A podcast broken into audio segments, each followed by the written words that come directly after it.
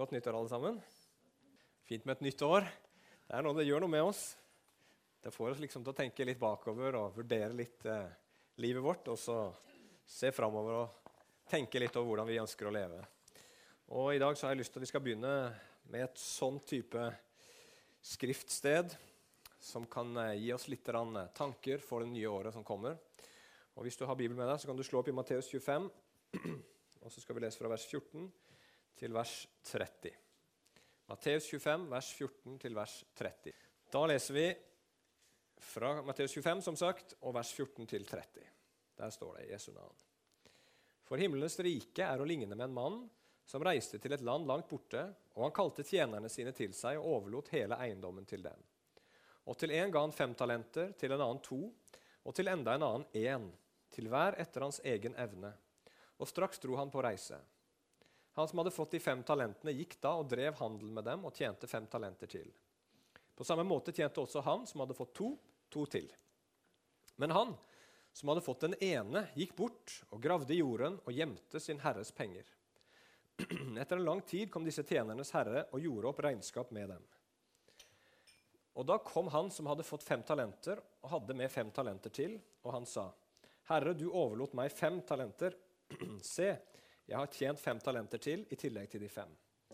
Hans herre sa til ham, Rett gjort, du gode og trofaste tjener. Du var tro over lite. Jeg vil sette deg over mye. Gå inn til din herres glede. Også han som hadde fått to talenter, kom og sa, Herre, du overlot to talenter til meg. Se, jeg har tjent to talenter til i tillegg til de to. Hans herre sa til ham, Rett gjort, du gode og trofaste tjener. Du har vært tro over lite, jeg vil sette deg over mye. Gå inn til din herres glede. Så kom han som hadde fått én talent, og han sa, 'Herre, jeg kjente deg som en hard mann, som høster der du ikke har sådd, og sanker der du ikke har spredd såkorn.' Og jeg ble redd og gikk og gjemte talenten din i jorden. Se, her har du ditt. Men hans herre svarte og sa til ham, 'Du onde og late tjener.' Du visste at jeg høster der hvor jeg ikke har sådd, og sanker der hvor jeg ikke har strødd såkorn. Derfor burde du ha satt inn pengene mine hos pengevekslerne. Og når jeg kom, ville jeg fått tilbake mitt eget med renter. Ta derfor talenten fra ham og gi den til ham som har ti talenter. For hver den som har, skal få mer, og han skal ha overflod. Men den som ikke har, skal bli fratatt selv det han har. Og kast den unyttige tjeneren ut i det ytterste mørket. Der skal det være gråt og tenners knissel. Himmelske Far, vi kommer til deg i dag med forventning, Herre, om at du skal tale til oss. At du som er en levende Gud, skal si, Herre, til oss det vi trenger å høre. I din godhet og i din kjærlighet, i din rettferdighet, i din sannhet, Herre, så trenger vi, Herre, å høre fra deg i dag. Så Herre, jeg ber om at du skal åpne våre øyne, våre åndelige øyne, så vi kan få se, Herre, hvem du er, og hva du vil si oss. Herre, la våre hjerter være god jord, Herre, i dette året som kommer. La meg få tale som jeg bør, Herre, etter ditt ord, ikke etter mitt eget hode, Herre, eller menneskelig visdom, Gud. Herre, vi bøyer oss for deg i dag, Herre, og vi vil ta imot ditt levende ord til oss, Herre så det kan skape det det nevner i våre liv. Amen. Ja, lignelsen om de ti talentene Eller ti talentene er feil, men det er lignelsen om talentene. Og eh, Den har vi kanskje hørt før.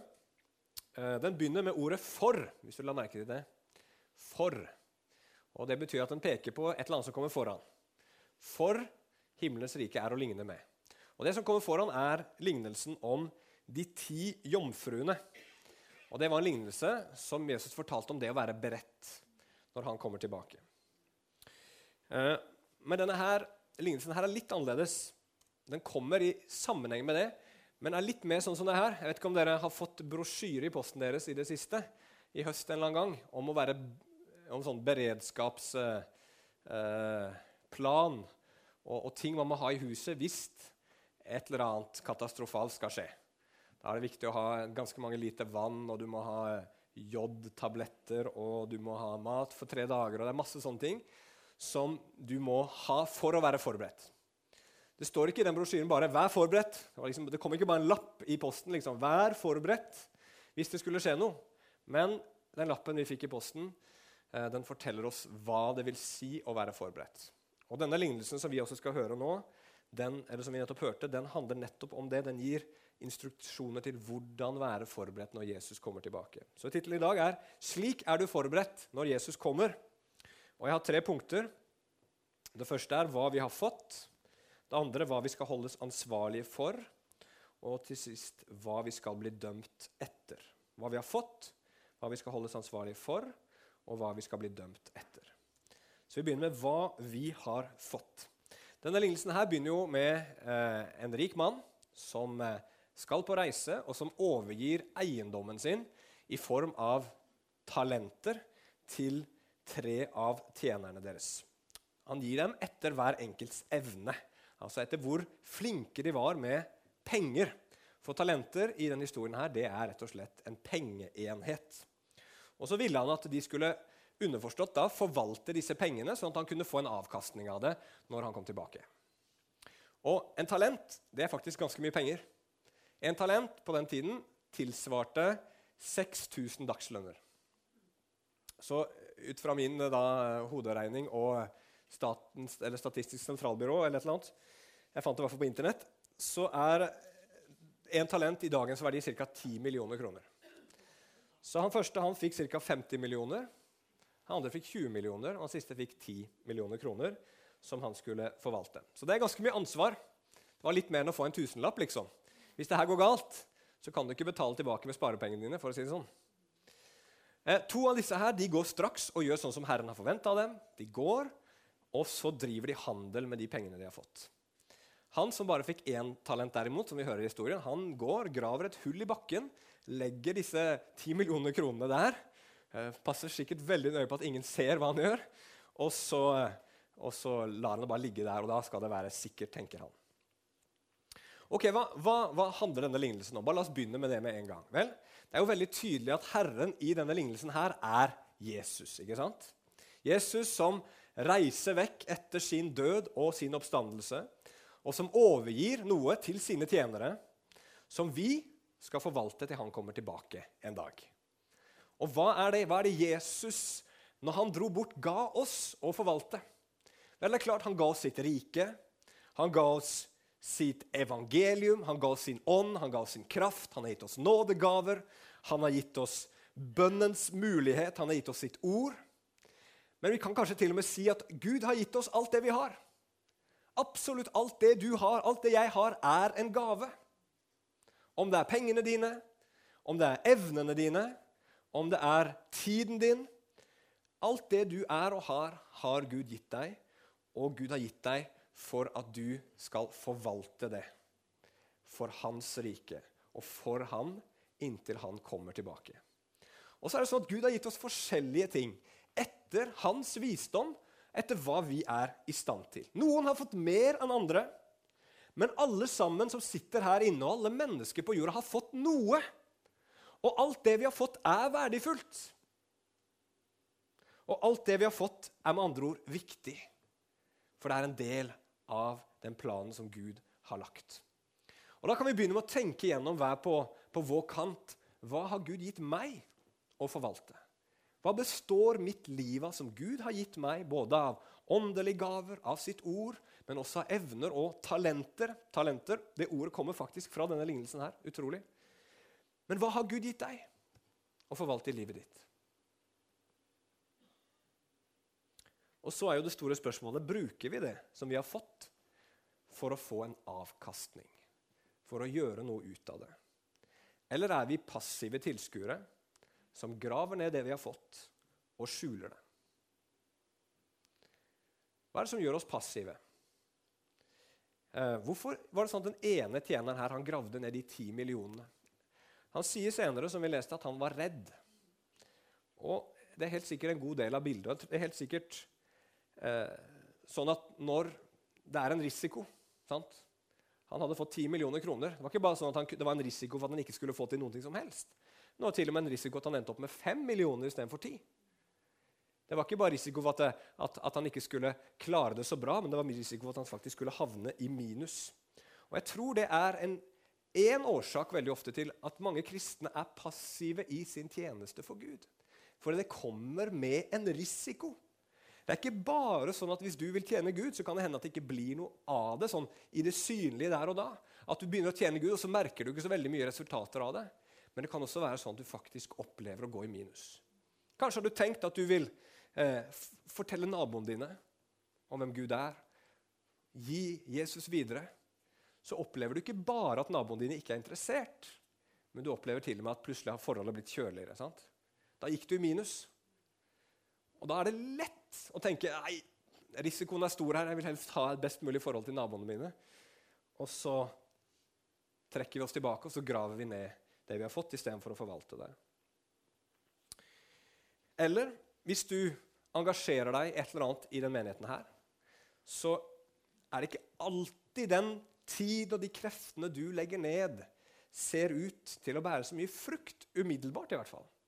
Det kan hende du tjener Gud lenge over tid og opplever at det som du ønsker og håper skal skje, ikke blir så tydelig som du hadde håpet og tenkt.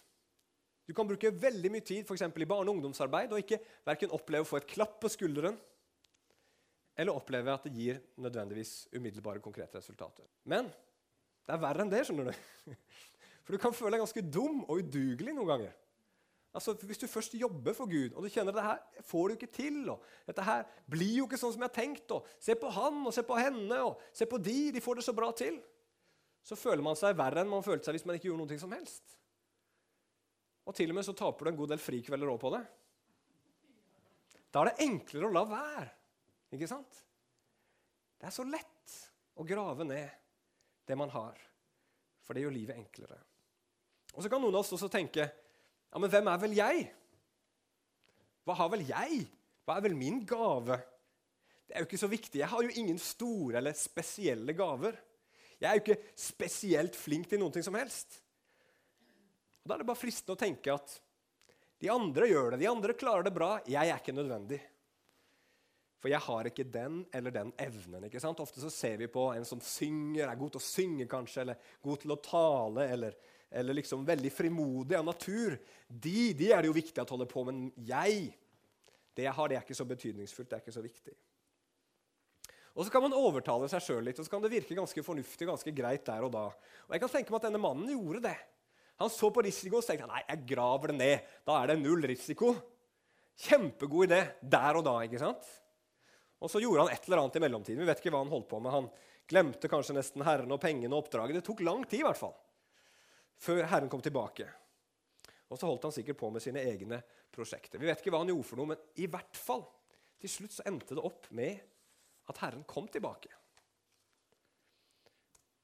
Og Da kommer vi til punkt nummer to. Hva vi skal holdes ansvarlig for. Selv om denne herren hadde vært borte lenge, så hadde han verken glemt tjenerne eller pengene. Så straks han er tilbake, så vil han gjøre opp regnskap med hver enkelt. Og det, Han som hadde fått 50 millioner, han hadde tjent 50 millioner til. Han som hadde fått 20 millioner, han hadde tjent 20 millioner til. Og så ser du at De to blir behandla nøyaktig likt. De har ikke fått det samme, men de blir allikevel behandla nøyaktig likt av Herren. Begge to får lovord Vel gjort, rett gjort, du gode og trofaste tjener. Det får både han som har tjent 50, og han som har tjent 20 millioner, høre. Og så får de begge to høre at de har vært tro i lite, og nå skal de bli satt over større. De får større ansvar, begge to. Og så får begge lov til å bli med på festen. Gå inn til din Herres glede. Så om de hadde tjent mye eller lite, de hadde, det var den summen de hadde fått i utgangspunktet, som de hadde vært trofaste mot, som også ga den belønningen. Det forteller at det viktigste er ikke hvor mye eller hva du har fått, men at du er trofast mot det du har fått. Om du har fått veldig masse og er, mid, og veldig trofast med det, om du har fått en del og er litt trofast med det, om du har fått lite og er litt trofast med det, så er det det du gjør med det du har fått, som kommer til å avgjøre hvor stor lønn du får, står det her. Så Den aller mest begavede, den aller mest dyktige kristne som fins i verden, hvis han eller hun er middels trofast, så vil den kristne få mindre lønn enn en mindre begava og utrusta kristen som er veldig trofast med det han eller hun har fått. Er dere med? Og så er det litt interessant her å se at Når Jesus forteller lignelsen, her, så skjønner vi med en gang at dette her er ikke bare en lignelse, det handler om en større åndelig realitet. For de skulle få lov til å gå inn til sin Herres glede. Altså, Han sa ikke bare 'bli med på en liten fest', men det, det er liksom som det evige livet bare skinner igjennom her. Dette handler om evigheten, sier Jesus indirekte når han sier at de, skal, de får lov til å komme inn til den evige gleden. Og Sånn er det forteller Bibelen at alle de som har, har, har tro på Jesus, alle som har satt inn sin lit til han, de skal få evig liv, evig glede sammen med Gud. Men så kommer det en belønning som følger med, ut ifra hvor trofaste vi har gjort, vært med det som vi har fått i dette livet her. Men så var det han tredje, da. Han som hadde gravd ned talentet. Han kommer med talentet sitt, og så kommer han med én ting til. En unnskyldning. Han forsvarer at det han gjorde, var det rette. Men du merker at den dårlige samvittigheten hans den skinner igjennom. ikke sant? Det som virka veldig fornuftig da, dette er risikofritt, dette var lurt, det virka plutselig ikke så veldig smart når han sto ansikt til ansikt med Herren sin. Og Det tror jeg er utrolig viktig for oss å forstå. Altså En dag så skal du og jeg stå ansikt til ansikt med Gud. Og Da kommer alt til å se veldig annerledes ut og oppleves veldig annerledes enn det det gjør nå. Det som virka viktig nå, kommer til å virke veldig uvesentlig på det tidspunktet. Det som virka som å være visdom akkurat nå, det virker som den største dårskap akkurat da. F.eks. det å ha et godt rykte blant mennesker. Ikke så viktig, det. Eller å ikke skille seg ut. Eller det å ha økonomisk trygghet eller andre ting som virker så smart og så lurt akkurat nå. Det er ikke det som burde være prioriteringa vår, skjønner vi når vi ser Jesus ansikt til ansikt. Eller det som kanskje virka litt pinlig og litt overåndelig nå. Den dagen Jesus kommer igjen, så kommer vi til å se at det er visdom. Det å være, det å være et vitne for Jesus, f.eks., kan være pinlig og flaut nå. Kristne blir hengt ut, kristne blir gjort narr av. Men den dagen du står framfor Jesus, så er du veldig glad hvis du har levd trofast i å være et vitne om han gjennom livet. Er dere med? Bruke tid i bønn, være radikal med synden i livet sitt leve for evigheten. Alt det der kommer til å ses i et helt annet lys på den dagen vi står framfor Gud. Og Det er så viktig at vi som kristne vi ikke bare lever her og nå. Det er ikke bare Karpe Diem for oss kristne. Vi må leve med tanke på at en dag så skal vi se Gud ansikt til ansikt. Og da blir alt snudd på hodet. De som er de mektige og beundra og viktige personene nå, kommer ikke til å bli så viktige da. Mens de som kanskje virker små, de som kanskje ble ledd av nå, den som valgte å leve i et vanskelig ekteskap for Jesus sin skyld og være trofast, den som oppga penger, tid, krefter for misjon, den som hadde store muligheter, men lot de ligge for å tjene Jesus, den personen der kommer til å være stor og bli opphøyd på den dagen Jesus kommer tilbake. Så hva gjør vi da hvis vi står på den dagen fullstendig avkledd, sånn som den tjeneren her? Unnskylder vi oss? Her er tjenerens unnskyldning. Han sa, 'Jeg kjente deg som en hard mann, som høster der du ikke har sådd, og sanker der du ikke har sådd såkorn.' Hva mener han med det? Jo, han sa jo, så vidt jeg vet, så er du en urimelig mann som det er umulig å gjøre fornøyd. Det var det han sa. Og så sier han videre det gjorde meg redd, for jeg visste jeg kunne jo ikke leve opp til forventningene dine. Så da gravde jeg heller talenten ned. Her har du det som er ditt. Ut fra det jeg visste, så gjorde jeg det som jeg syntes var best. Virker Herren veldig forståelsesfull overfor eh, denne mannens unnskyldning? Nei, han er ganske direkte. Han sier 'din onde og late tjener'. Uff, Hvorfor det? Jo, for han gjennomskuer han. Han ser at nå snakker ikke du sant. Hvis det var sånn, sier han, at du visste at jeg var en mann som forventa veldig, veldig mye, da hadde du i hvert fall satt de pengene i banken, sånn at jeg hadde fått noe renter da jeg kom tilbake. Han, han ser tvers gjennom fyren her. Den, den, hva, hva, er det egentlig den mannen her sier? Jo, han mannen her, han Egentlig så håper han på nåde. Nåde. Han han var lat. Han tenkte det går nok bra, det er ikke så farlig. Det går nok fint.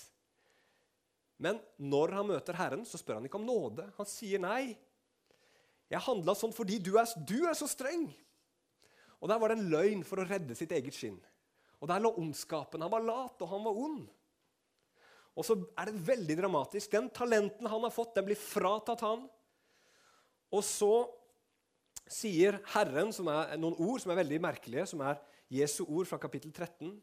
Han sier, han tar fram talenten så sier han, hver den som eh, har, skal få mer. Så gir han det til han som har ti. Hver den som har med, har, den han skal få mer. Og den som ikke har, skal bli fratatt selv det han har. Og så tragisk nok så får ikke denne tjeneren her heller lov til å gå inn til sin herres glede, sånn som de andre. Han blir kalt en unyttig tjener, og han blir kasta ut i det ytterste mørket. Og der skal det være, står det, gråt og tenners gnissel. Og Her ser vi igjen at den lignelsen her plutselig går over til den åndelige dimensjonen og den evige dimensjonen. ikke sant? Det var ikke denne tjeneren i denne lignelsen som, som, som, som liksom eh, kunne gi dette til denne tjeneren. Gråt og tenners gnissel i det ytterste mørket. Nei, dette her handler om store åndelige realiteter. Men hva betyr det? da? Hva, betyr, hva skjedde med denne tjeneren? Og Da leste jeg min studiebibel. Dette behøver ikke å forstås dit at det handler om tap av ens rettferdiggjørelse. Det kan også være et bilde på tap av belønning for utført tjeneste i riket. Et tap av glede der gråt og tenners gnissel er et uttrykk for anger over tapte muligheter.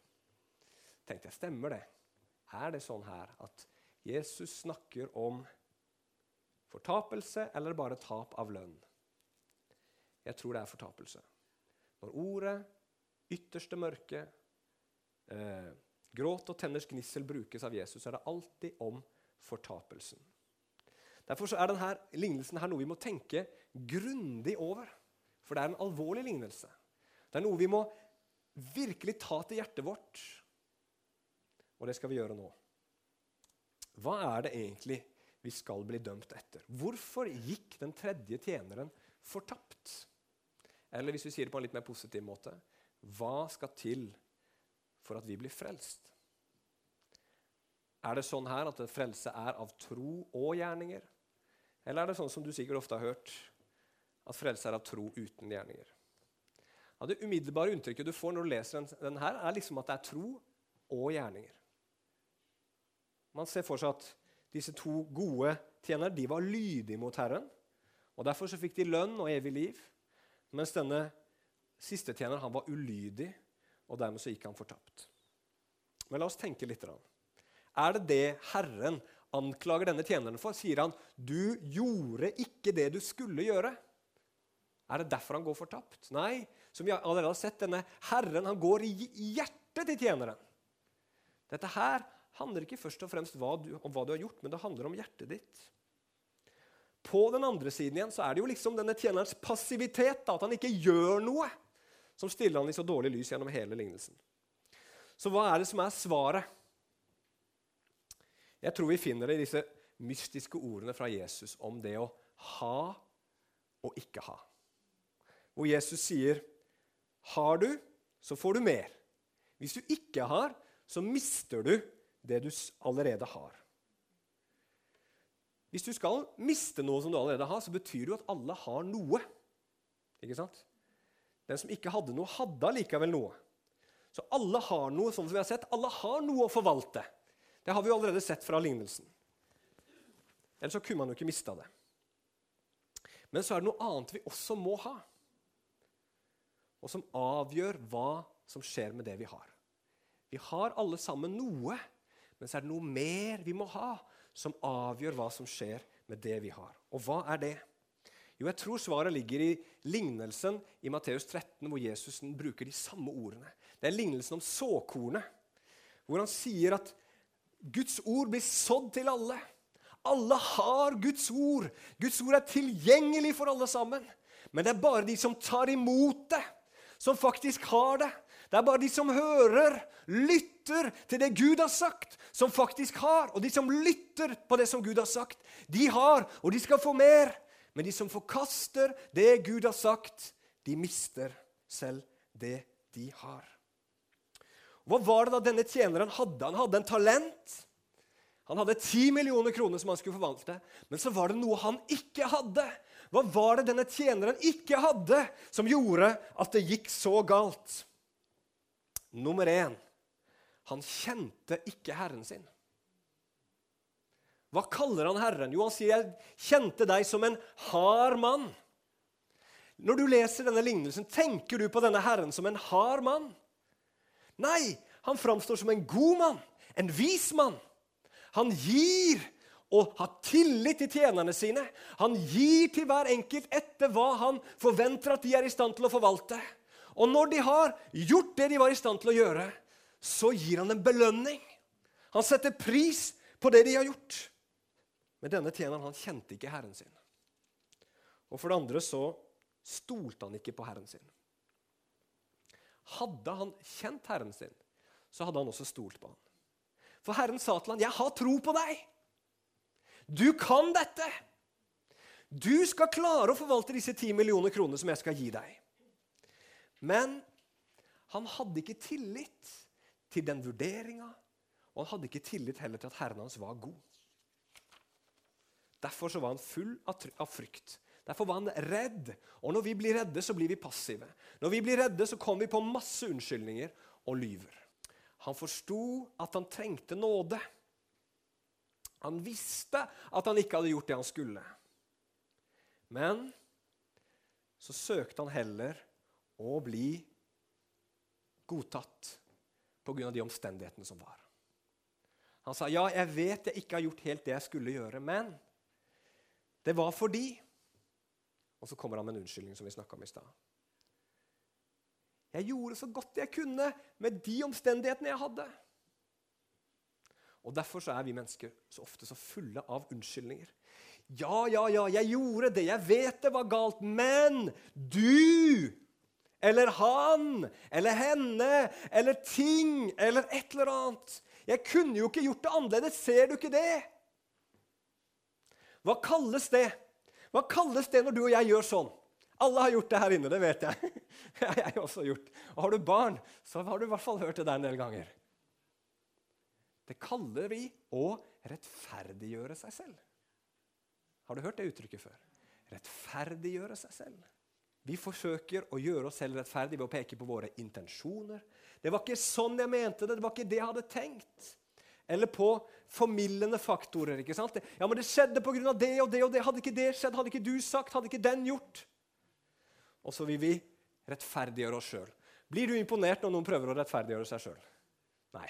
Hvorfor tror vi at Gud da eller andre skal bli imponert når vi gjør det?